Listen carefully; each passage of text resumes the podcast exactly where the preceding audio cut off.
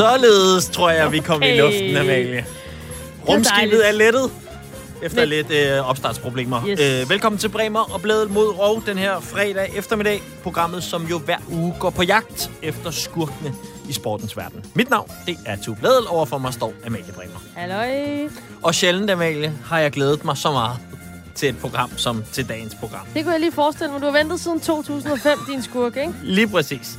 Fordi det er ikke nogen hemmelighed, at du holder med FCK fodboldklub.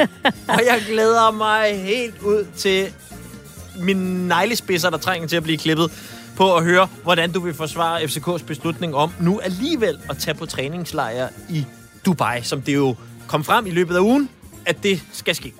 Ja, det skal ske. Altså, øh, det sker jo på bagkant af, at øh, FCK for ja, halvanden, snart måske to år siden, de meldte ud, at nu vil man ikke tage på træningslejr i Dubai længere, fordi at det var et stort ønske fra klubbens fans, at Ja. man ikke støttede op om sådan et land, som ikke lever på en måde, som vi her i Danmark synes er okay i forhold til menneskerettigheder, kvinderettigheder, homorettigheder osv. Ja.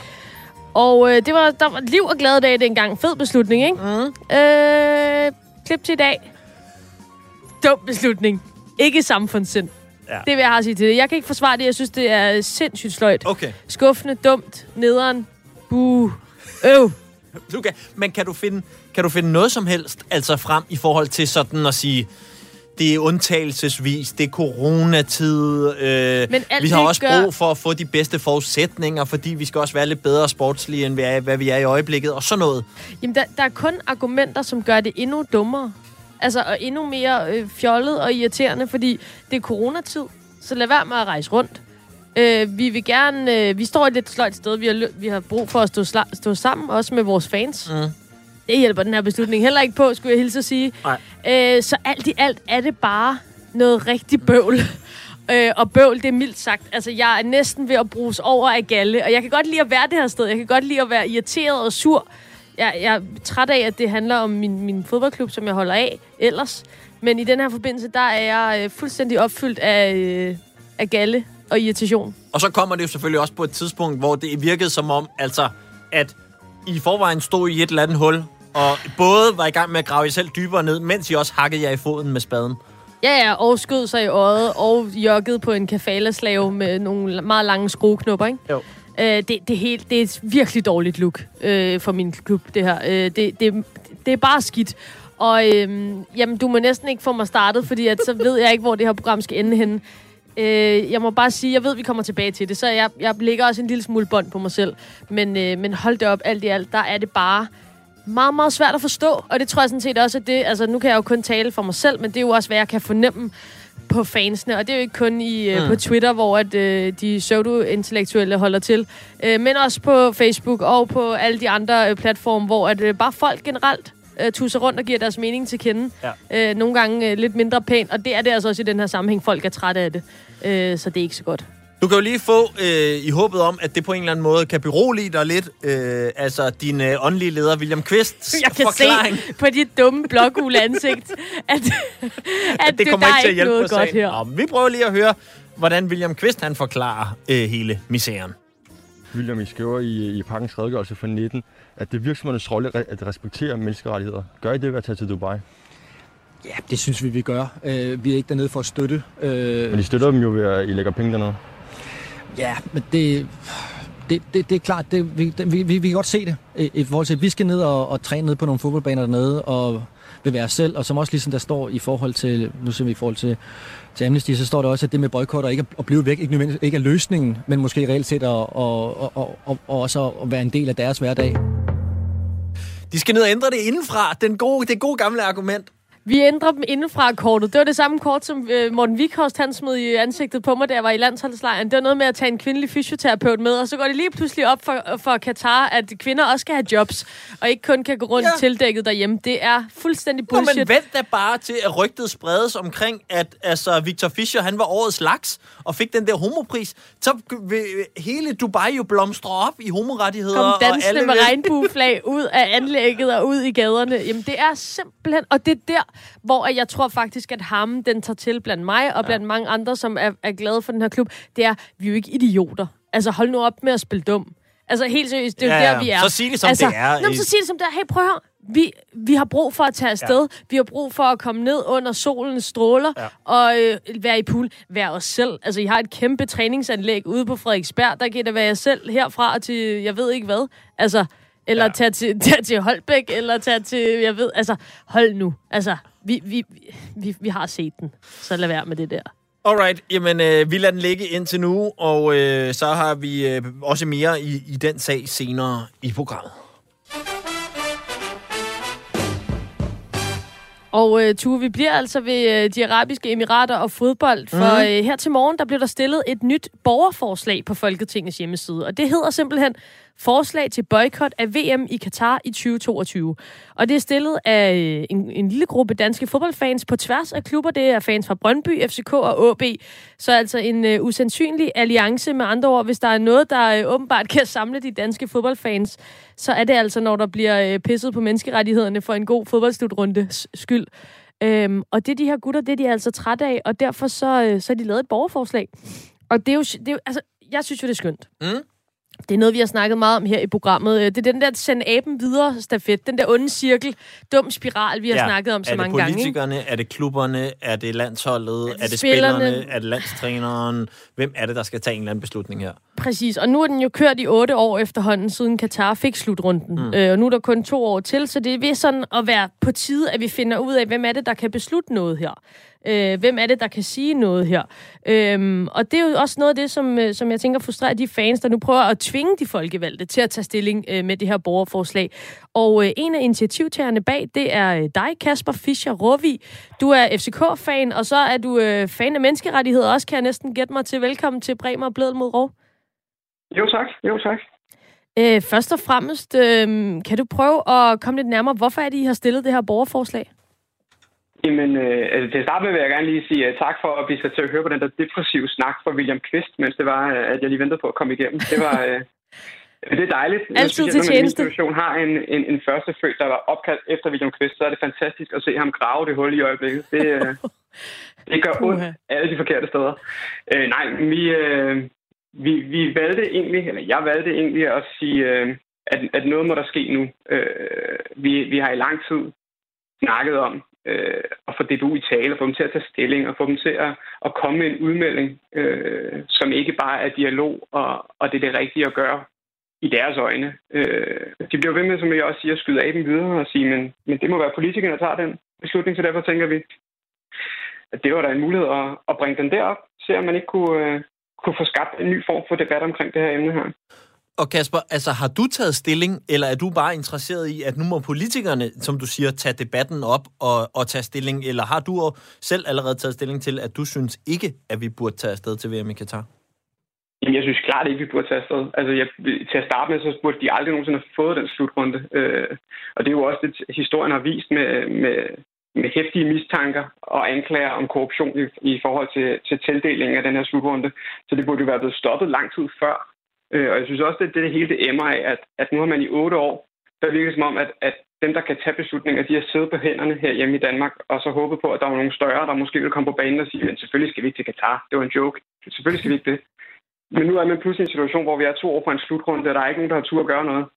Øh, og så er det jo, man bliver nervøs for at sige, men altså, så ender det jo med, at vi kommer derned, og der ikke bliver nogen debat omkring det her. Øh, ikke noget, som kommer til at rykke noget i hvert fald. Så, så det var også det, der gjorde, at jeg tænkte, nu, nu skal der ske noget nyt. Ja, og nu øh, prøver I så at rykke noget ved det her borgerforslag. Hvordan kom I til... Altså, jeg synes jo, det er skønt, at der er noget, der kan samle os. Man kan jo sidde og være sur på, på Brøndby-fans og OB-fans, hvem man ellers er sur på fra uge til uge. Men nu er I altså en gruppe, der er gået sammen på tværs af klubberne her. Hvordan kom I på den idé?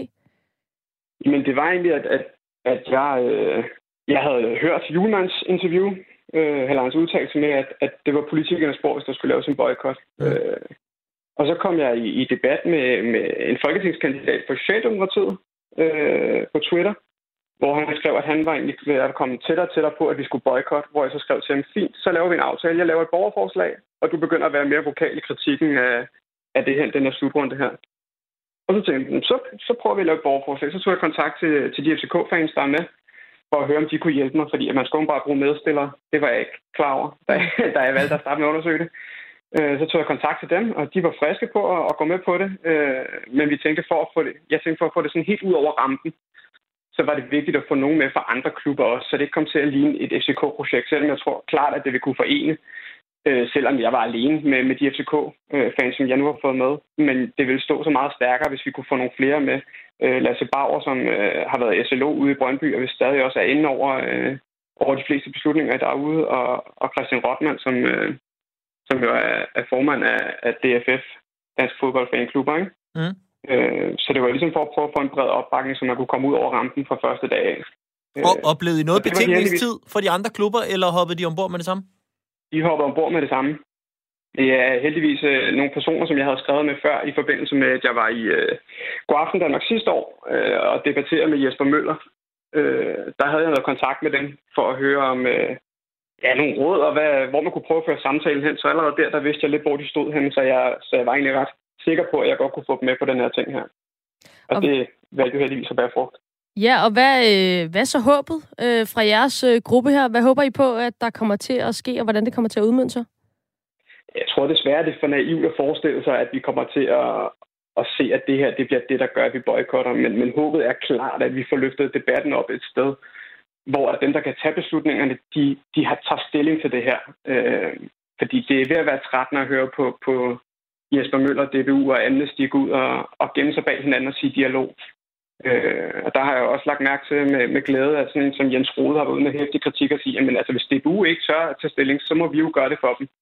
Og det er der, hvor jeg håber lidt, at sådan en som ham, han vil kunne gribe den fakkel, som, som vi nu har tændt, øh, og bære den videre, så vi kan komme endnu længere ud. Fordi selvom vi har fået en god start her nu, jeg tror, vi nærmer os de 1000 øh, underskriver, så er der ikke nogen tvivl om, at, at der er en lang sej kamp op til 50.000. Det kommer til at tage, tage rigtig lang tid, og det kommer til at kræve meget arbejde. Så det er klart målet at få nogle af de mere toneangivende øh, politikere og fortaler for de her ting i tale også, så man kan få en snak om det her i hvert fald. Og som fodboldfan, så er der jo ikke noget, er ikke meget, der er bedre end et VM i fodbold. Øh, hvad er det ved øh, at se øh, Danmark løbe på banen, og sikkert også nogle af dine helte øh, løbe på banen i, i Katar, som, øh, som skuer dig så forkert? Jeg synes jo, det, det er jo... Åh, hvor skal man starte henne? Det, er jo, det, er jo et, det, er jo et, det er jo et land, der, der, der, der fejler på sådan nogle helt basale øh, menneskerettigheder, som jeg også selv har nævnt. Øh, det at mænd og kvinder ikke må sidde ved siden af hinanden på stadion. Altså det er Jesper Møller var ude og sige, at han kan ikke garantere, at de kommer til at kunne sidde ved siden af hinanden på et fodboldstadion under den her slutrunde. Øh, homoseksuelle, der bliver fængslet, systemkritikere, der bliver fængslet, slaver, der dør under de her stadionbyggeri. Øh, jeg, jeg kan ikke se, hvordan man som, som nation og fodboldhold vil kunne se sig selv i øjnene, hvis man tager derned og blåstempler hele det her cirkus her. Det er jo en gigantisk promoveringsmaskine, øh, og det er jo også derfor, at et land som Katar gerne vil have en slutrunde. Det er for at kunne promovere sig, og altså, de går jo bare deres ærne ved at tage derned og, og deltage i det her arrangement her. Og Øh, Jesper så det er Møller skal lige sige, ja, det, øh, Jesper Møller skal jeg bare lige sige for lytterne, altså Jesper Møller fra øh, DBU, som du Ja, henviser til her, lige præcis. Ja, lige præcis. Lige præcis. Og Øh, øh, her til allersidst, øh, Kasper, hvis slutrunden ender med at blive spillet øh, med eller uden dansk deltagelse i Katar, øh, skal du så se med i fjernsynet? Jeg tror, jeg finder på noget andet at lave de dage. Det, det tror jeg. Klar Både, besked. hvad angår øh, de danske kampe og, og de andre kampe, der bliver spillet. Klar besked fra øh, dig, Kasper Fischer Rovi, FCK-fan, og nu øh, stiller af borgerforslaget, som øh, hedder Forslag til boykot af VM i Katar 2022, som man altså kan finde inde på Folketingets hjemmeside. Man kan sige, øh, der er jo ikke noget galt ved at få dem til at tage stilling i det mindste. Så kan de jo sige, at det synes de, at vi skal deltage i. Men så er de i hvert fald tvunget til at tage stilling til det derinde. Så der kan man gå ind og skrive under, hvis man føler for det. Tak fordi du var med her, Kasper. Jamen, tak fordi I vil snakke med mig. Selvfølgelig. Hej. Nu skal vi over til min gode ven. En af de bedste i Aarhus, uh, Tue, en mand, der kan sortere skidt fra kanel og se igennem selv den værste smiger. Også når man kommer med bøger. Og Han er i virkeligheden sådan en type, vi ville ønske, der var flere af i professionel sport, som på ingen Ja, ja. kan lade sig købe til synlædende. Overhovedet ikke. Øh, Det er Pølse Kim. Han øh, huserer på Banegårdspladsen i Aarhus. Og i den her uge, der var vi jo faktisk lidt ængstlige, fordi at, øh, altså, hvad skulle der ske med Pølse Kim? Mm. Restriktionerne vælter ned over os alle sammen. Var han coronalukket, eller kunne vi stikke hovedet forbi og få vores ugenlige øh, efterkritik? Heldigvis. Ja, og det er jo det geniale ved Pølsekims pølsebod, det er jo, at han har både altså dørtrinet, hvor man lige Mhm, kan komme ind og stå, som er lidt mere som at være i restaurant. Ja, det vil jeg sige. Det er en restaurantoplevelse. Ja. Men så har han jo lige sidevinduet, hvor han lige kan lange noget ud. Det er jo takeaway-vinduet. Det er det. Og det er selvfølgelig det, der gør, at øh, Police Kim øh, også har åbent i øh, den her uge. Og det vælter ud med, med ristede hotdogs ja. øh, over på øh, Banegårdspladsen, øh, uanset om der er pandemi eller ej. Og derfor så har vores kollega selvfølgelig også været nede og høre Kim, øh, hvad han synes om øh, sidste uges program. Og det skal vi høre her. Kim, du hørte programmet. Du hørte programmet i fredags på podcast, skulle jeg forstå. Ja, nu er det, nu er det tredje gang, eller tredje fjerde gang, vi har nede og lave øh, efterkritik, tænker jeg. Så øh, du, vi har jo noget at sammenligne med efterhånden. Hvad, hvad, hvad tænker du om i, om i fredags? Jamen igen, en, en øh, stærk indsats. Man får lidt ondt af en øh, kulturminister, Joy Mogensen. Ikke? Øh, man kan jo ikke lade være med hendes agerende tænke på sådan Bambi, der bliver fanget af et lygtekejle ude på bilen, helt øh, paralyseret, der ikke ved, hvad man skal svare. Så er det jo godt, at man har en spindoktor, der kan sende sådan en hurtig mail ud, som øh, giver efter kritikken der. Ja, det er altid dejligt. Altså, der var, øh, de lancerede jo den her advents øh, julekalender over øh, skumle personager. Ahmed Ahmed var første levende billede i den her advents julekalender. Hvad, hvad tænker du om den? Jamen, jeg, jeg kan kun, man kan jo kun glæde sig og vente til, hvad der kommer øh, i dagens adventsgave. Altså, flere af dem frem i lyset med dem. Og så havde Amalia og, øh, og Tue jo også øh, Øh, Henrik Mølgaard med håndboldspilleren, håndboldlandsholdsspilleren. Og det er jo ikke lige sådan at få de professionelle øh, store atleter til. At, altså, de vil, de vil ikke så ofte kommentere på de her ting. Øh, det lykkedes jo Amalie og Ture at få, få Henrik med, og han var jo meget åben og ville gerne snakke om, om den her øh, situation med det grønlandske og det amerikanske håndboldlandshold og, og den der VM-plads, som så var givet til USA i stedet for. Hvad, hvad tænkte du om Henrik Mølgaards indsats? Jamen stærkt. Enormt stærkt. Øh, der var måske nogle landsholdsspillere i fodboldlandsholdet, der kunne lære noget, i stedet for at komme med en eller anden syg forklaring øh, med, at øh, vi kan sende en kvindelig sportsmassør med til Katar, så er det ged barberet der. Sådan hænger verden jo ikke helt sammen. Så en stærk, at der er nogen, der kan tage og sige fra inden for sportsverdenen også. Noget jeg også kan fornemme er det helt store højdepunkt blandt Amalie og Tue inde i studiet. Du har været sådan lidt omkring det. Du er ikke helt vildt meget for at, at udpege din klare favorit, så lad mig lige prøve at trykke dig på maven i den her uge. Øh, Tue eller Amalie, hvem gør det bedst? Jamen altså, jeg gav jo, jeg gav jo Amalie den for forrige gang. Den, øh, den fik hun. Den kan, det kan man ikke løbe fra. Øh, og hun fører svagt med et mulehår den her gang på øh, hendes indignation omkring den mail. Øh, sorry, Tue. Du er lille mulehår bagud igen.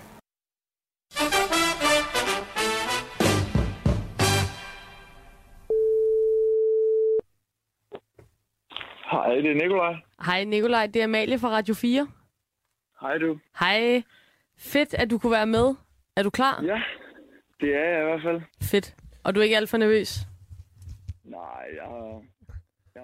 Vi har lige øh, en båndoptagelse her med Nikolaj, som lige ligger klar i baggrunden. Jeg skal lige have fundet det helt rigtige klip frem. Øhm, han skulle være klar lige, øh, lige straks. Øhm, og Nikolaj, øh, jo en fyr, vi ringede til øh, tidligere i dag, som er øh, håndboldspiller. Vel knap nok professionel håndboldspiller. Mm, Men, øh, men altså, jo en mand, der øh, jo lige pludselig nu virkelig skal i ilden.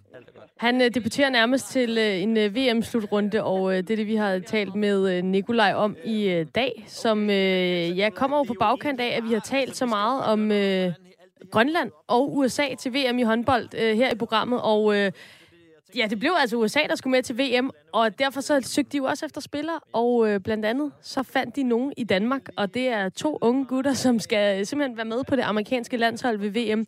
Den ene hedder Jakob og er 17 år gammel, og så er der Nikolaj her, som øh, vi har ringet til i dag, som er 20 år gammel, og som faktisk har holdt en øh, lille pause for håndbolden, men altså nu gør comeback ved en øh, VM-slutrunde, og det er jo øh, i sig selv en, en vanvittig oplevelse, både, øh, jeg tror for alle håndboldfans, at det kan ske, at de øh, kommer til at se øh, sådan nogle gutter på banen til et VM, men altså også øh, for, selvfølgelig for Nikolaj. Det var det, vi gerne vil, øh, vil høre ham om i dag.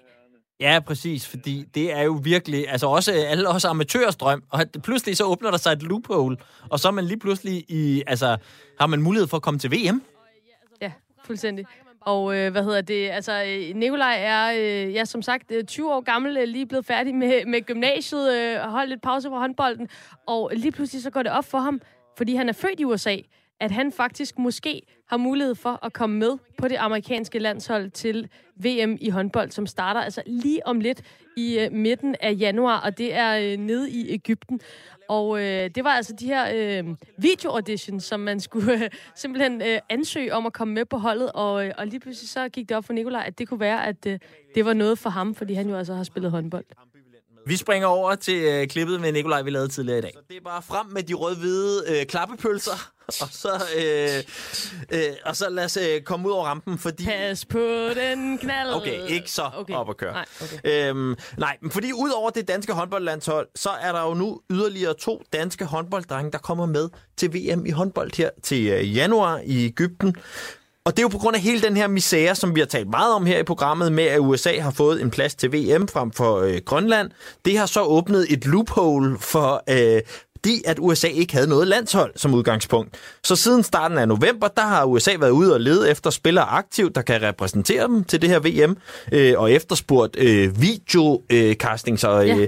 alt muligt forskelligt. Og nu er den endelige trup så fundet i, i den her uge, der er gået, og der er altså blevet plads til to danskere på det her hold, som vi må formode også har amerikansk statsborgerskab, ja. siden at der kunne blive plads til dem. To hemmelige agenter, Præcis. der er i gang med at infiltrere det amerikanske håndboldlandshold. Og det bliver vi forhåbentlig klogere på lige om lidt. Den ene, det er Jakob Krydsgaard Christiansen, som til daglig spiller for Ajax Københavns U17-hold. Og så er det Nikolaj Weber, som er højrefløj på øh, KIF Koldings U19-hold blandt andet, og som vi nu også kan sige velkommen til.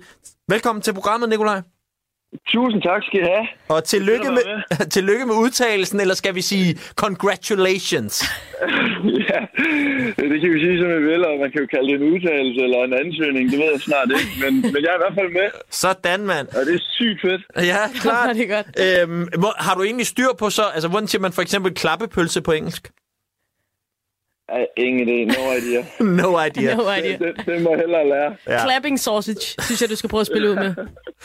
Nikolaj, øh, lad os lige få styr på det der øh, først. Altså, har du dobbelt statsborgerskab, eller hvordan kan det være, at du har kunnet fedt dig med her?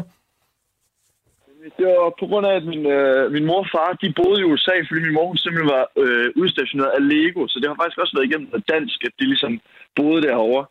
Øhm, og så blev jeg simpelthen født derovre. Ah. Jeg var der faktisk ikke særlig lang tid, men, men så har jeg så, så er der kommet nogle ændringer eller et eller andet, så jeg kunne få lov til at beholde dobbelt statsborgerskab.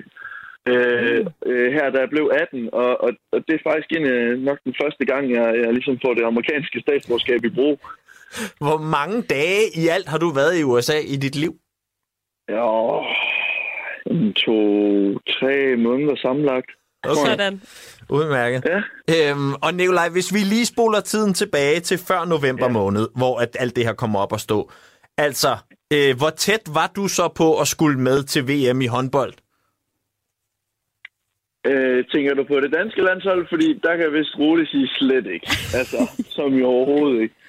Øh, jeg har aldrig været i nærheden af det danske landshold, øh, og, og, og det, at jeg kommer med øh, her på det amerikanske landshold, det er jo fordi, at en af mine kammerater, han ser, at, øh, han ser en artikel på TV2, øh, som er videregivet fra, fra USA's hjemmeside, øh, deres håndbold hjemmeside, som simpelthen er sådan en rekrutteringsartikel øh, på en eller anden måde, og så går vi jo i gang der. Helt klart. Er det godt. Ja. Så hvor mange, altså lige i forhold til det danske landshold, bare lige så jeg forstår det, hvor mange spillere på det danske landshold skulle få en skade, før du ville blive ringet op?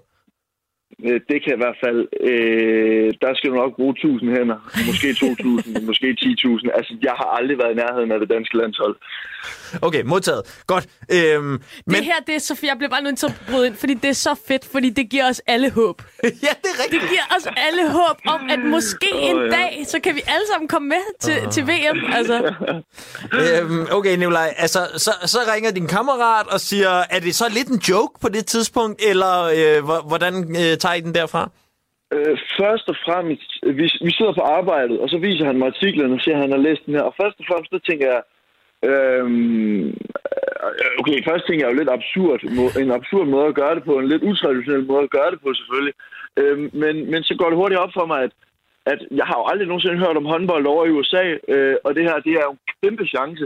Så jeg tænker da, at øh, der giver der selvfølgelig bare alt, hvad jeg har. Øh, så jeg samler en masse videoer fra dengang, jeg spillede i KF. Øh, Øh, og, og, så, øh, øh, og så går vi op og filmer nogle videoer selv der, og efter jeg sådan set har, har klippet det sammen og fået lavet et Oh, rigtig hov, godt hov, hov, hov, hov, hov, hov, hov, hov. op og filmer vi nogle nu. videoer selv? Ja, Hvad, det er det, altså, man skal. Øhm, man, man, man, skulle, man skulle filme en, en videoansøgning øhm, for ligesom at ansøge om at komme med. Det er den måde, de kunne se på, øh, hvilket niveau vi lå i, og, øh, og så videre, og så videre. men hvad gjorde du der? Øh, Prøv lige at tage den helt, øh, skære den ud helt i pap først. Var det med iPhone på en stol, og så din kammerat, der kaster nogle bolde til dig? øh, Eller hvad, hvordan gør I det? Det var faktisk... Øh, først så hentede jeg de der gamle videoer, og så et par dage efter, hvis det var artiklen, så tog vi op i øh, den lokale håndboldhal, og så kastede vi lidt bolde, og de filmede mig, og jeg lavede nogle forskellige øvelser, altså helt, helt simpelt. Øh, og, og, så, øh, og så klippede vi det sammen. Øh, og som sagt fik lavet et rigtig lækkert iMovie-projekt der. Sådan, Øh. lag musik ind over. Øh, vi, vi tænkte for at gøre det til rigtig dramatisk musik. men, øh, men, men så tænkte jeg hurtigt, ej, det ville måske blive lidt us- useriøst. Ja, klart. Øhm, men men, men vi, gav, vi gav faktisk alt, hvad vi havde i den video, øh, og så sendte vi den ind. Stærkt. Øhm, Men det er altså, noget, men det er dig alene på den video, udover de der, der er nogle kampklip fra, fra tilbage, siger du, men det der, I lavede deroppe, det er dig, der selv ligesom tager bolden og kaster den i mål og sådan nogle ting. lige nøjagtigt. Jeg har tilspillere med på nogen, og en forsvarsspiller med på nogle andre, så det er sådan mig i fokus. Og Okay. nu sagde du også, altså nu sagde du øh, nogle klip fra den gang, du spillede i, i KIF, fordi det er noget med, altså du Ja. er jo faktisk ikke super aktiv ellers lige nu. Nej, øh, det er jo faktisk først lige blevet. Øhm, som sagt, så, øh, så stoppede jeg øhm, midten, i midten af U19-ligaen øh, med KF. Øhm, på grund af, at der var noget 3G, der tog lidt fart og så videre og så videre, og så skulle jeg lige prioritere lidt. Ja. Øh, og, så, øh, og, og så stoppede jeg, og så begyndte jeg her i slutningen af, af hvad hedder det, øhm, af, af efteråret øh, med KF Senior, øh, igen øh, andenholdet, som spiller i 3. division, og så har jeg faktisk været så heldig her efter, at det blev offentliggjort, at jeg har fået lov at spille med, med KF-herrerne til træningerne. Det er Nå, drømmen. okay. Øh, Det, Drømmen. det er jo klart, så, Så så er man jeg- lige pludselig Ja, ja. landsholdsspiller, så bliver man jo også udtaget herhjemme. Det er perfekt. Jamen, det er jo det. Altså bare alene den oplevelse, jeg har fået der, det, den kunne jeg jo tage i rygsækken og kalde det en oplevelse. Ja, klart. Øh, altså helt vildt. Okay, men hvad sker der så? Så sender I det ind, og hvad så får du så en opringning en dag, eller hvordan foregår det derfra? Ja, jamen, så, så, så begynder det jo at stikke lidt af og eksplodere lidt. Så, øh, så, så får jeg en opringning fra et svensk nummer øh, 20 minutter senere eller et eller andet. Wow. Øh, og, og, og allerede der, der begynder mit hjerte der at banke lidt, for jeg ved godt, hvor det bærer hen af den, den, den ansatte øh, amerikanske landstræner Robert Hedin fra Sverige. Mm. Øh, og så tager jeg den så, og så er det jo ham. Øh, og, og så beder han mig om at sende den, den privat til mig. Øh, og, og allerede der, der går jeg da lidt i, lidt i chok. Positivt chok, Ja. men, men jeg, jeg ved det, altså jeg, jeg mangler lidt ord, jeg siger bare, ja, ja, selvfølgelig, du får den, du får den. øh, og, og, og det er så det, jeg gør. Øh, og så øh, Så er det ind og lave en WeTransfer til ham. lige nøjagtigt, så, så får jeg gjort det øh, til hans private mail. Og så øh, senere samme aften, så er der en, øh, en, en, et amerikansk nummer, der ringer til mig, som, som er en, der hedder øh, Emily, som sidder over i USA og kigger på nogle, nogle atleter og så, og så videre. Og så siger hun, at øh, stiller hun mig en masse spørgsmål om øh, sådan håndboldmæssige spørgsmål, og hvor, øh, hvor høj jeg er, hvor meget jeg vejer, hvilken hånd jeg spiller med, og position osv. osv. Øh, og så lige hun lægger på, så, så spørger hun, øh, okay, hvilket nummer vil du gerne spille i? Øh, og der tænker jeg bare, okay, det var fandme vildt. Stærkt. Den har jeg ikke lige regnet med på sådan en lørdag aften, hvor jeg bare lige har været ude og hygge med en af mine venner og sådan noget. Så. og så får jeg den, og, så, og, og der, der går jeg jo endnu mere chok end det første opkald. Og så siger jeg? Kan, kan du give mig nummer 44 eller sådan et eller andet, siger jeg bare helt tilfældigt vinder.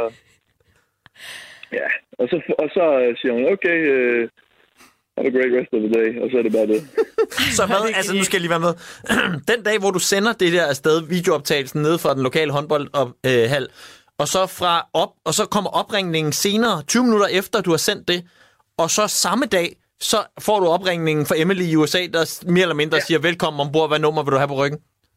Ja, altså hun siger jo, øh, hun siger jo bare, at hun, hun skal mangle en øh, masse informationer på mig, og der ringer hun så om aftenen øh, og, og, og siger, at hun skal have de her informationer. Hun, hun, hun beder mig om at udfylde nogle ting, nogle formelle ting også, øh, og sende tilbage til hende. Blandt andet sådan et, øh, en CSI background check, hvor jeg skal skrive under på, at jeg ikke har, har, øh, har, har begået, øh, begået nogen, øh, noget kriminalitet. Mm.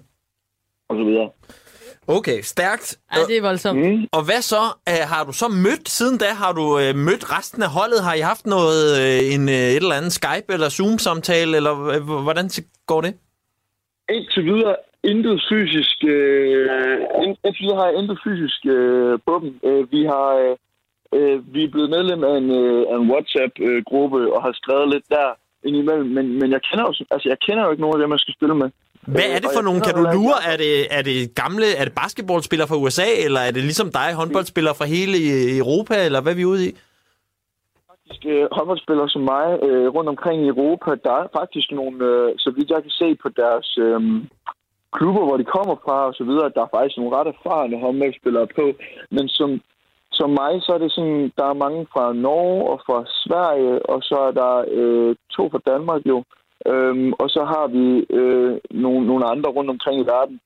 Øhm, men hovedsageligt i Europa, faktisk. Og hvordan er det inde i den der WhatsApp? Altså, er de andre... Fordi du virker sådan rimelig psyched over det her, ikke? Er de andre også sådan, Ja. woo-agtige, eller er de lidt mere uh, laid back, eller hvad, hvad er stemningen? Der er fed stemning derinde faktisk. Der er sådan lidt, øh, der er også sådan lidt en frisk stemning, fordi mange er jo faktisk på alder med mig, øh, 20. Jakob er jo 17. Øh, men, men jeg tror faktisk, det er et ret lavt øh, aldersgennemsnit på holdet. Øh, og det bliver også super fedt at møde nogle altså i jævnaldrende, som man aldrig har mødt før, og begynde at spille med dem. Øh, fordi det kunne jo lige så godt have været, have været folk, der alle sammen var 10 år ældre end mig. Mm. Men sådan en ret, øh, ret frisk stemning, vil jeg sige, og udadvendt.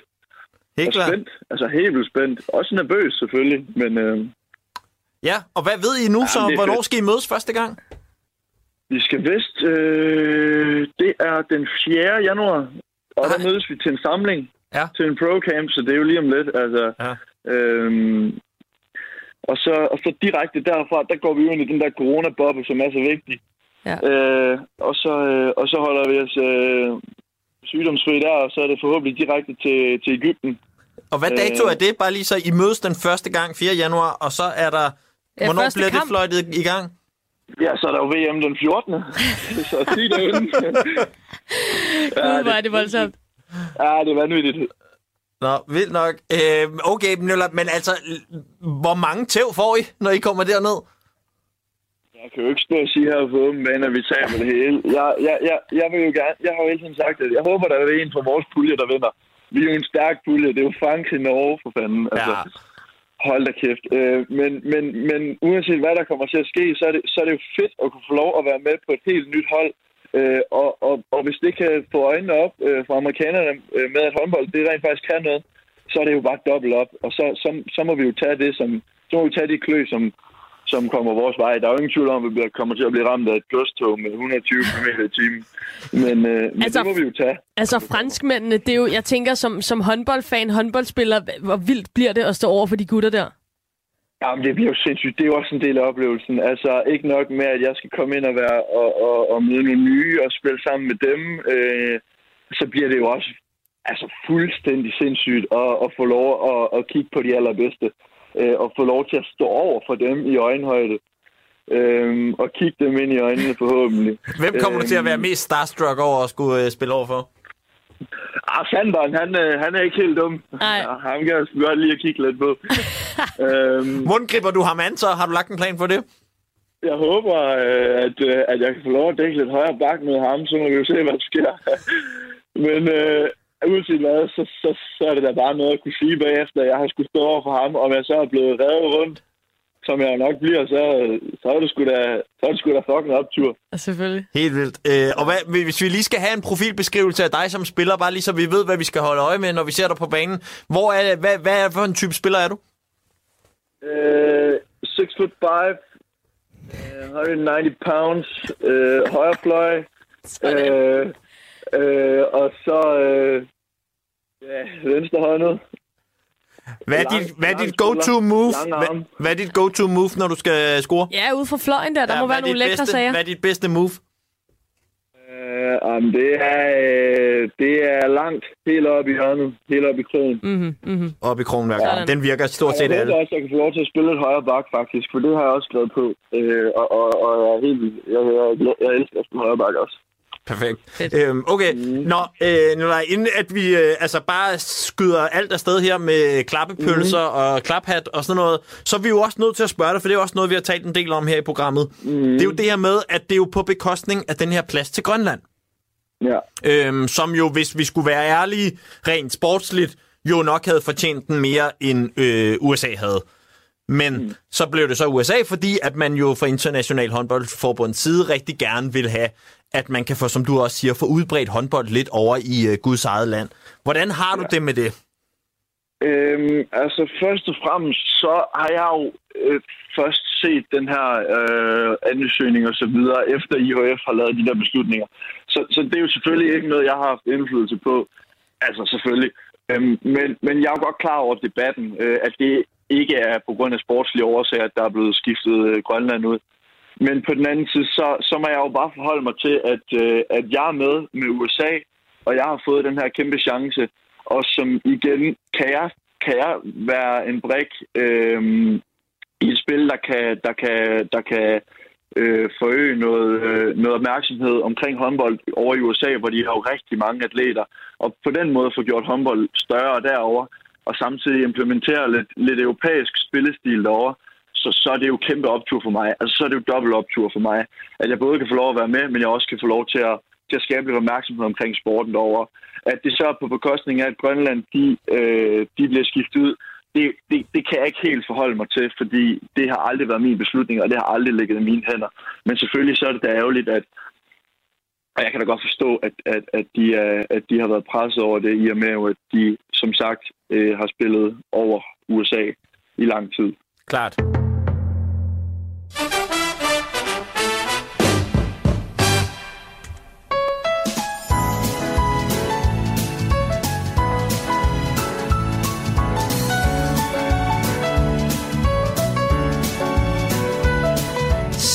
er vi kommet endnu en uge øh, tættere på jul. Endnu en uh, uge tættere på, at det her år det er overstået. Men det er ikke det, det skal handle om nu, fordi vi skal åbne lov nummer to i vores advents asshole kalendertue. Ej, hvor jeg har glædet mig. Også mig.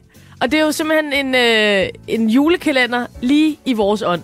Det må man sige. Banditter i habiter i sportens verden, det er dem, vi er efter, og det er dem, som vi sætter spotlys på, sammen med dig, Stanis Elsborg, analytiker hos Play the Game. Ja, goddag. Hej Og, med dig, øh, Stennis. Jeg skruer lige lidt op for dig, så vi kan høre dig godt. Sådan Ja, der. også over den øh, skønne, skønne julemusik. Og i sidste uge, der var vi jo efter Ahmed Ahmed fra Madagaskar. Lige præcis. Øh, og i denne uge, der har du taget endnu en øh, satan med til os. Jamen, jeg har endnu en med, og øh, det er også en mand i jakkesæt. Han, øh, han var præsident for det internationale atletikforbund i 16 år, fra 99 til 2015. Og så han, var han også medlem af den internationale olympiske komité. Og øh, det plejer at være en, øh, en god kombination, men det skal jeg nok komme tilbage til. Oh, ja, og lad os starte, hvor vi altid gør, Stanis, at øh, Ja. vi åbner lågen, og hvad møder vores øjne? Jamen, det gør en, øh, en mand også i jakkesæt. Han har altid jakkesæt på, som de har, de her øh, slyngler i habiter, eller hvad I kaldte dem. Og øh, han, øh, han hedder Lamin Diak, og han er født i 1933 i Senegal. Så det er altså en noget okay. ældre herre, vi har med at gøre i dag. Øh, og øh, det han får lige en lille forhistorie, fordi han, han var som barn selv meget fascineret af atletik og begyndte egentlig til længdespring. Og han er fra Senegal og øh, var faktisk øh, fransk mester, fordi at Senegal jo var en fransk koloni dengang. Øh, men øh, nu er det sådan set ikke øh, hans sportslige karriere, øh, vi sådan skal kigge på. Øh, det er nok mere hans øh, sportspolitiske karriere, som er interessant. Øh, fordi at han efter atletikkarrieren, så øh, blev han både spiller og træner i en senegalesisk fodboldklub, og han blev også teamleder på Senegals fodboldlandshold. Øh, og samtidig med det, så var han også generalsekretær i det lokale atletikforbund. Og øhm, senere så kastede han sig faktisk øh, over politik, men blev ved med at arbejde i sportens verden og blev også sportsminister i Senegal. Og senere blev han så borgmester også i Senegals hovedstad Dakar. Okay, så han spænder Øh. bredt, altså fodbold Ja, og men han- atletik og borgmester. Hvad, hvad har vi? Jamen, han spænder rigtig bredt, men, øh, men, men selvom han var engang med sådan en stor politisk karriere, så, øh, så blev det sporten, som han, han kastede sig over, fordi hans politikerkarriere, den endte ret bræt i, øh, i 1993, hvor han forlod politik, da hans hus blev øh, brændt ned efter et valgnederlag. Og så, øh, så tænkte han, det, det, det kunne være nok. Nu kaster jeg mig over sportens verden. Øh, og øh, der kastede han sig så ind i atletikken og blev meget hurtigt en del af det internationale atletikforbund, hvor han også øh, blev næstformand ret hurtigt. Og i 99, altså allerede i 99, der blev han så præsident for det internationale atletikforbund, i øvrigt som den første afrikaner nogensinde. Jeg spørger lige om Og, noget øh, her, fordi der er noget, der bare ja. slår mig nogle gange, og det, sådan, det kan du måske gøre os lidt klogere på. Så siger du, så, så besluttede han sig for at, at gøre noget inden for atletik, og så vupti, så to år senere, så var han stor formand som den første. Altså, hvordan sidder man i Senegal og siger, nu vil jeg være noget inden for atletik, og så bliver man lige... Altså, der er nogle mellemregninger her, øh, som måske er mere eller mindre lyssky. Kan du ikke hjælpe os? Ja, men de går lidt hurtigt nogle gange, de mellemregninger. Og øh, vi ved også nu, at der nok, øh, altså nogle af de penge, som jeg kommer til lige om lidt, at de nok også er blevet brugt til at skabe en ret flot politisk karriere, og så øh, hurtigt også en sportspolitisk karriere. Men det er rigtigt nok, at mange af de her folk, de springer her i, i 90'erne, hvor mange af de her poster jo også skulle besættes, har sprunget mange af de der mellemregninger over. Og hvad der ligger bag det, det kan I jo nok godt øh, selv gætte jer til. Øhm, men jeg vil så sige, at han får jo også, altså udover at blive øh, præsident for Atletikforbundet, så får han selvfølgelig også en plads i den internationale olympiske komité. Og det er nok her, det er sådan for 11 år begynder at gå lidt galt for Lamin Diak. Øh, fordi at og det er faktisk først i slutningen af hans karriere, vi finder ud af det, altså i 2015. Og her har han jo faktisk siddet 16 år som præsident for det internationale atletikforbund. Der bliver han nemlig anholdt i Frankrig øh, og bliver anklaget for at have modtaget flere millioner euro for at dække over professionelle atletikudøvers positive dopingprøver, og herunder flere af de russiske, som var involveret i det statsstyrede doping i Rusland. Øh, og ganske kort tid efter de her anklager, så forlader Lamin Diak så sin præsidentpost for det internationale atletikforbund. Og der sker så det, at der kommer en lang, lang, lang undersøgelse, som der altid gør i de her sager. Og det er først i år, i september måned, altså fem år efter, at han blev arresteret og anklaget for korruption, at der er faldt dom i sagen. Og det ender faktisk også med en relativ, eller det kan I jo så øh, diskutere, om det er, men han får fire års øh, fængsel for korruption, og han får en bøde på 500.000 euro for korruption i den russiske dopingskandale.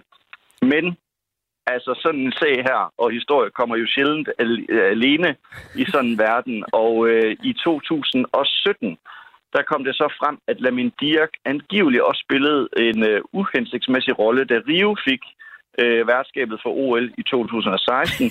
Og han skulle også være involveret i korruptionssager i forhold til OL i Tokyo, som skal afholdes næste år. Hvor er det skønt, at det er bare sådan, øh, find en skandale i sportens verden. Du ved, Så har Laman Dirk også lige haft en finger med. Han, min Dirks klamme hånd. lige så driftig, Ja. som han var i sin politiske karriere, lige så driftig har han til synligheden været, når han så kastede sig over korruption og sport generelt.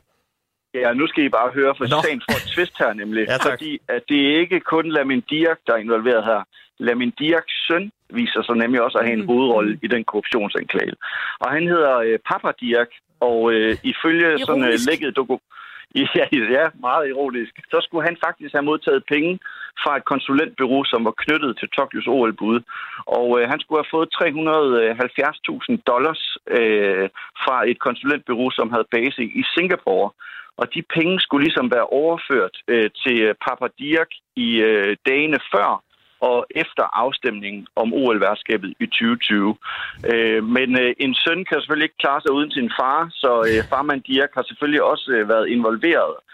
I hvert fald så har den japanske forretningsmand, som har stået for meget lobbyarbejdet bag øh, Tokyos OL-bud, erkendt, at, øh, at Lamin Dirk, altså farmand Dirk, har fået et øh, digitalt kamera og et øh, sejgur til en værdi af 320.000 kroner. Øh, men øh, da, da Takahashi, som han hedder, den her forretningsmand fra, fra Japan, bliver spurgt til det, så siger han, jamen det er da meget billigt. Øh, og han Det skulle, er, noget med, det er øh, ligesom Lars Lykke og underbukserne, eller et par sko, eller hvad det var. 300.000 Ja, for men et han- kamera, det er jo ingenting. Nej, men det er heller ingenting, fordi Takahashi skulle, øh, skulle angiveligt have fået 56 millioner kroner, som øh, han kunne bruge på det her lobbyarbejde. Øh, Men, øh, men de her sager, de er så stadig ved at blive, blive undersøgt, men øh, der skulle være ret stærke beviser på, at øh, Dirk-familien de har fået lidt øh, penge under bordet. Ah, men altså, det lyder som om, at vi kan godt skrue lidt op for julemusikken, konstatere, der har været nogle gode, der har været nogle gode jule i Diak-familien i Det de år der. der. nogle uger og nogle kameraer osv. Og så vil jeg bare sige som en lille side note, der, jeg er lidt skuffet over, at Japans OL, OL-bud kommer ind over her. Fordi jeg har det sådan lidt, japanerne, de er jo ordentlige. Altså, det er jo, det er jo sådan, et, det, der, det er da et fedt sted at holde OL. Det der, der er der ordentlighed over den. Og så er det bare korrupt det hele. Altså, er der blevet taget nogle beslutninger i sportens verden, som ikke øh, har korrupte undertoner efterhånden, Stanis? Nej, vi må nok sige, at øh, vi begynder at finde flere, flere historier. Måske kan det næste gang handle endnu mere om Japan, for det står oh. værre til, end det gør med Takahashi. Nej, så, nej, øh, nej. Men er der slet ikke et OL, hvis du skulle pege på, Stanis, det mest regelrette, Ja. Øh, antikorrupte øh, OL i sidste nyere tid, ægte. hvor man ligesom tænkte, der er i hvert fald ikke nogen kæmpe store sager, der er kommet frem om, at der var en masse korruption, øh, der gjorde, at det blev afholdt lige der. Hvad vil du så pege på? Så er der tænkepause. øh, jamen, det kan jeg ikke. Nej. Og det er altså en mand, der lige har snakket et kvarter ude i en køre om korruption Ja, i sportens verden. Når vi spørger ham, er der et snif nu, du kan pege på, så er der stille. Nej, men der er, der er selvfølgelig OL, hvor det ikke har været så voldsomt. Måske London kunne være et bud, men øh, ikke, ja, måske London i 2012. Okay, det tager vi med os videre. Åh, ja, måske London, det er, hvad du giver os. Stanis, tusind tak. Det var så lidt. Vi glæder os til at høre, hvad du har gemt til os bag love nummer 3 i næste uge. Vi tales øh, om lige præcis en uge. Ja, der lå, åbner vi øh, lov nummer tre i Ja. vores Advents Asshole julekalender.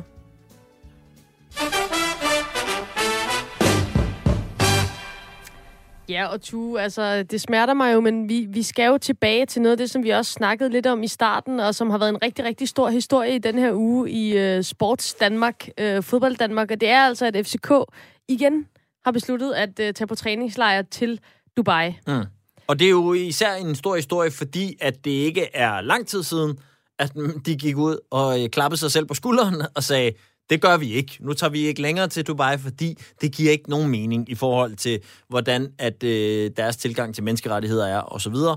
så har vi besluttet, at det er slut med at holde øh, træningslejr dernede. Ja, og det er, jo, det er jo en populær beslutning, fordi det er jo ligesom mm. en, en bølge, som vi også snakker meget om i, ja, i samfundet, men også blandt uh, sportsfans, at man er politisk bevidst. Så det var jo virkelig noget, som uh, F- FCK blev hyldet for Mm. på det tidspunkt. Og vi kan da også lige, når man slår op i, i Parken Sport og Entertainment, som er den virksomhed, der står bag FC København, så har de jo selvfølgelig også en CSR-politik, altså sådan noget Corporate Social Responsibility, ja. som også er meget øh, vigtigt og fancy og, og moderne og, og bryste sig af. Og der står jo også, at, øh, at øh, nogle af de samfundsansvar, som FCK også skal tage, det handler selvfølgelig om miljø, energi og klimapåvirkning, og så handler det om nærsamfund og menneskerettigheder. Og det er ikke rigtig noget, der harmonerer med at lægge sine penge nede i Dubai, altså hvor man jo, om man ved det eller ej, bidrager jo til det her sportswashing. Altså man er jo Ja, ja, med til ja. at blåstemple, fordi så render man jo rundt med sine øh, fine øh, medarbejdere fra FCK TV og viser, hvor jeg har fint og flot, ja. og hvor jeg har dejligt, og hvor er det skønt, at vi kan komme herned, og det er en del af vores sportslige succes osv. Og det er jo bare, altså, det er realiteten. Man Ja, er med og man til kan at blåstemple. Lige en dag i Dubai er det jo så meget en til en, at nogle af de mennesker, der har det aller værst i Dubai, det er jo for eksempel nogle af de stuepiger, der er øh, ansat typisk fra andre lande, øh, fløjet ind fra for eksempel Bangladesh eller Nepal, og som så er ansat på nogle af de her fine hoteller, og som har virkelig dårlige og kummerlige forhold. Øhm, så der er en en til en i virkeligheden også i forhold til, hvordan man støtter dem. Og som vi også har snakket om, vi kan vi vil bedre kunne forstå det, hvis nu det var, at FCK så havde været ude og sige, prøv at høre her, vi er godt klar over, at det er ikke den fedeste beslutning sådan med de store verdensbriller på, men lige nu er vi bare en fodboldklub, der lidt har brug for at komme ned i noget varme og stå sammen som hold, og det er den her ene gang, og øh, vi siger undskyld på forhånd, men sådan er det. Altså, jeg siger Ja. ikke, det vil være den rigtige beslutning, men så, måde. så kunne man ligesom på en eller anden måde bedre leve med det, ikke? Jo, jo, og i stedet for, så bliver der jo cyklet rundt, og det er jo vores allesammens øh, kære William Kvist, som bliver skubbet ud foran mikrofonen, og det her, det skal retfærdiggøres, og det går bare ikke særlig godt. Selvom, at som jeg forstår, så havde han prøvet at gribe den på forkant med det der med kaffekoppen fra sidst. Han havde taget en kop med ud og prøvet at lave en joke om, det er te i dag og sådan noget. Ja. Så han prøvede ligesom at se, om han ikke kunne være sådan lidt mere. Men nå, I kan lige prøve at høre et lille klip fra, øh, hvordan han blandt andet slap fra sit interview med Ekstrabladet, øh, da han talte med dem i øh, går, mener jeg, at det var. William, I skriver i, i pakkens redegørelse for 19, at det er virksomhedernes rolle at respektere menneskerettigheder. Gør I det ved at tage til Dubai? Ja, det synes vi, vi gør. Øh, vi er ikke dernede for at støtte. Øh, Men I støtter dem jo ved, at I lægger penge dernede. Ja, men det, det, det, det er klart, det, vi, det, vi, vi, kan godt se det. I, I forhold til, at vi skal ned og, og træne ned på nogle fodboldbaner dernede, og vil være selv, og som også ligesom der står i forhold til, nu ser vi i forhold til, til Amnesty, så står der også, at det med boykotter ikke at blive væk, ikke, nødvendigvis- ikke er løsningen, men måske reelt set at, at, at, at, at også at være en del af deres hverdag. Den officielle fanklub har i hvert fald meldt ud, at de opfordrer jer til at ændre jeres beslutning. Ja. Det er jo en rimelig stor fanbase, I har. Det er ikke Ja. nogen af de mest trofaste. Ja, jamen det, og det har vi fuld forståelse for. Øh, men, Men, men, ligeglade. nej, vi er ikke ligeglade. Absolut ikke. Jeg håber ikke på, at du, du mærker på mig, at jeg er ligeglad. jeg er da ikke ligeglad. vi har jo tænkt rigtig meget over det. Vi ses i Dubai, hej hej. Og mit yndlings er alligevel stadigvæk, vi kan jo godt se det. Men Ja. vi gør det alligevel. Ja, og det er den der, øh, har tænkt over det politiske. Det er noget lort, men øh, jeg er ligeglad. Ja. Hej hej. Øhm, men og så synes jeg også, det er interessant at følge med i, øh, hvad der bliver skrevet inde på FCK's egne sociale medieprofiler, fordi ja. Jeg er godt klar over, at sociale medier bringer det værste frem i os alle sammen. Så derfor vil der altid være øh, mange, der tænker, her er noget, hvor jeg kan være sur, perfekt, og så fører man den af. Men jeg havde alligevel regnet med, at der var flere, der ligesom prøvede at sige, ah, skal vi nu ikke lige, og sådan noget, men der må vi jo sige, at der øh, hælder det jo helt klart øh, mest i den retning, at fansene faktisk er ret enige om, at det er en dårlig beslutning. Ja, og man kan jo altid kigge lidt på, på den der ratio, der ligger imellem, hvor mange øh, likes er der, og hvor mange kommentarer er der. Når der er rigtig mange kommentarer frem for likes, så Ja. er det bare ikke så godt, fordi der er rigtig mange mennesker, der gerne vil give deres mening til kende om de her ting. Og hvis man scroller lidt rundt på Facebook, så kan man jo for eksempel læse en, øh, en Kim, der skriver, hvor er det pinligt, Bestyrelsen har startet en lavine af dårlige beslutninger. Der var engang, vi grinede af AGF og Brøndby. Nu griner vi af FCK. Der er også øh, Bente, som jeg godt kan lide, der tager den øh, hele vejen og skriver... Øh, jeg ved også godt, at jeg ikke burde tage på restaurant i Ringsted, men for at holde min krop ved lige, så bliver jeg nødt til det. I den coronatid ser jeg mig nødsaget til at ofre alle andre, for at jeg selv har optimale betingelser. Er det et fint standpunkt? Ja, det er, det er godt set af Bente. Og Allan, han skriver også på Facebook her, helt uforståelig beslutning, boykot FCK. Jeg har for længst besluttet at boykotte al VM-fodbold fra slavestedet Dubai. Øhm, så er der Mads, der skriver, har I fået garanti for, at swimmingpoolen er bygget uden hensyn til menneskerettighederne? Jeg har hørt, man svømmer allerbedst i slavetårer. Den er også hæftig, ikke? Men Altså... Tæl mig med i koret af skuffede FCK-fans, skriver han så, og spørger, har I sat jer ind i, hvad I støtter? jamen, det, er, det er stærkt. Og, så, og, og det er, altså, bitterheden kender jo ingen grænser, eller sådan småligheden også hos de her fans, der bare sådan vil ud med, med deres, øh, deres skalle nu, ikke? FCK, de prøver at smyge sig, ligesom komme videre og lave et opslag om Pep Biel, den spanske spiller, som siger, han føler sig mere fri i det nye system. Så er der altså en Troels, der kommenterer som den første. Fedt, at Pep Biel føler sig fri. Det er der mange i Dubai, der ikke gør. Ja, det er det. Øhm, og jeg øh, kunne også godt lide kommentaren. Øh, jeg så hellere, I trænede på isglatte kunstgræsbaner herhjemme, end det der, hvor er ryggraden i beslutningen. Øhm, det, jeg synes, det er mega interessant, og det er jo klart, det er jo fordi, vi hver eneste uge sidder her og snakker om, at vi gerne vil have både af fans, politikere og ikke mindst også udøvere og spillere blander sig og øh, tør snakke om den verden, de indgår i. Ja. Vi forventer ikke, at de skal redde verden, men bare ligesom tør være ærlige på en eller anden måde. Ikke? Øh, og det har da fået et, et skub med de her sager, synes jeg. Og, øh, hvad, hvad, hvad er dit øh, bedste bud?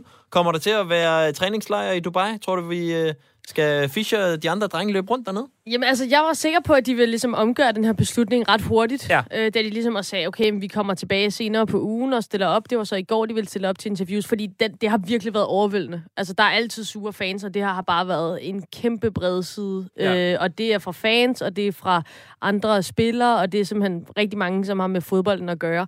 Øh, så jeg var faktisk ret sikker på, at de ville omgøre beslutningen, men det tænker jeg jo ikke, de kommer til at gøre nu. Øh, de virker sådan rimelig faste i kødet, og som William Kvist siger, vi har vurderet det politiske, og vi kommer til at tage afsted. Så øh, ja, altså herfra som FCK-fan, det er, det er fatalt. Jeg kommer til at bruge det der, altså det kan jeg mærke øh, i privat regi, altså argumentationen, der hedder, ja, ja, jeg kan godt se det. Vi har Altså- kigget på det. Jeg ved godt, at det er dårligt for mig, at jeg vil i byen syv dage om ugen, skat. Men ja, sådan er det. Undskyld, her politimand, jeg kørte over for rødt. Jeg kan godt se det. Jeg kan godt se det. Tror jeg er ligeglad? Nej, den er ikke helt god, vel? Altså, øh, Øhm, det og jeg vil ønske, at det var... Ja, ja, det gør mig ondt, at det er min klub. Det gør det altså. Ja, ja, men, og, men jeg synes da også, at du må da være stolt af dine medfans. Jo, jo, og det er jo selvfølgelig rigtig positivt. Og, og det er rigtig positivt, at hele den her bølge, den bare kører videre med, øh, med ligesom, at man tager stilling til det sportspolitiske. Det synes jeg jo er helt fantastisk. Så på den del er det selvfølgelig godt, men det skal jo stoppes, det her. Jeg er meget spændt på, om der er nogle spillere, der begynder at tage bladet fra munden på et tidspunkt. Altså, øh, man kan sige, der kunne jo godt være nogle øh, på, land, eller på øh, FCK's hold, der ligesom på et eller andet tidspunkt øh, kom til at, øh, også at sige, at de ikke synes, det var den fedeste beslutning. Og så tænker jeg måske, at øh, snebolden kan begynde at rulle en, øh, en smule. Men, øh, Ja, og det er vi jo altid ude efter på det her program, at øh, der er nogen, som er også nogle af de meget profilerede, som ligesom øh, giver deres mening til kende, fordi det er jo det, der skal til, i stedet for at man hele tiden, ja, som vi har snakket om, skubber aben videre. Øh, men tu, det var alt for den her uge. det var Brinden oplevet for i dag. Ja, det er så. Og øh, nu er der altså nyheder lige om øh, to sekunder, og så er vi øh, tilbage igen på næste fredag.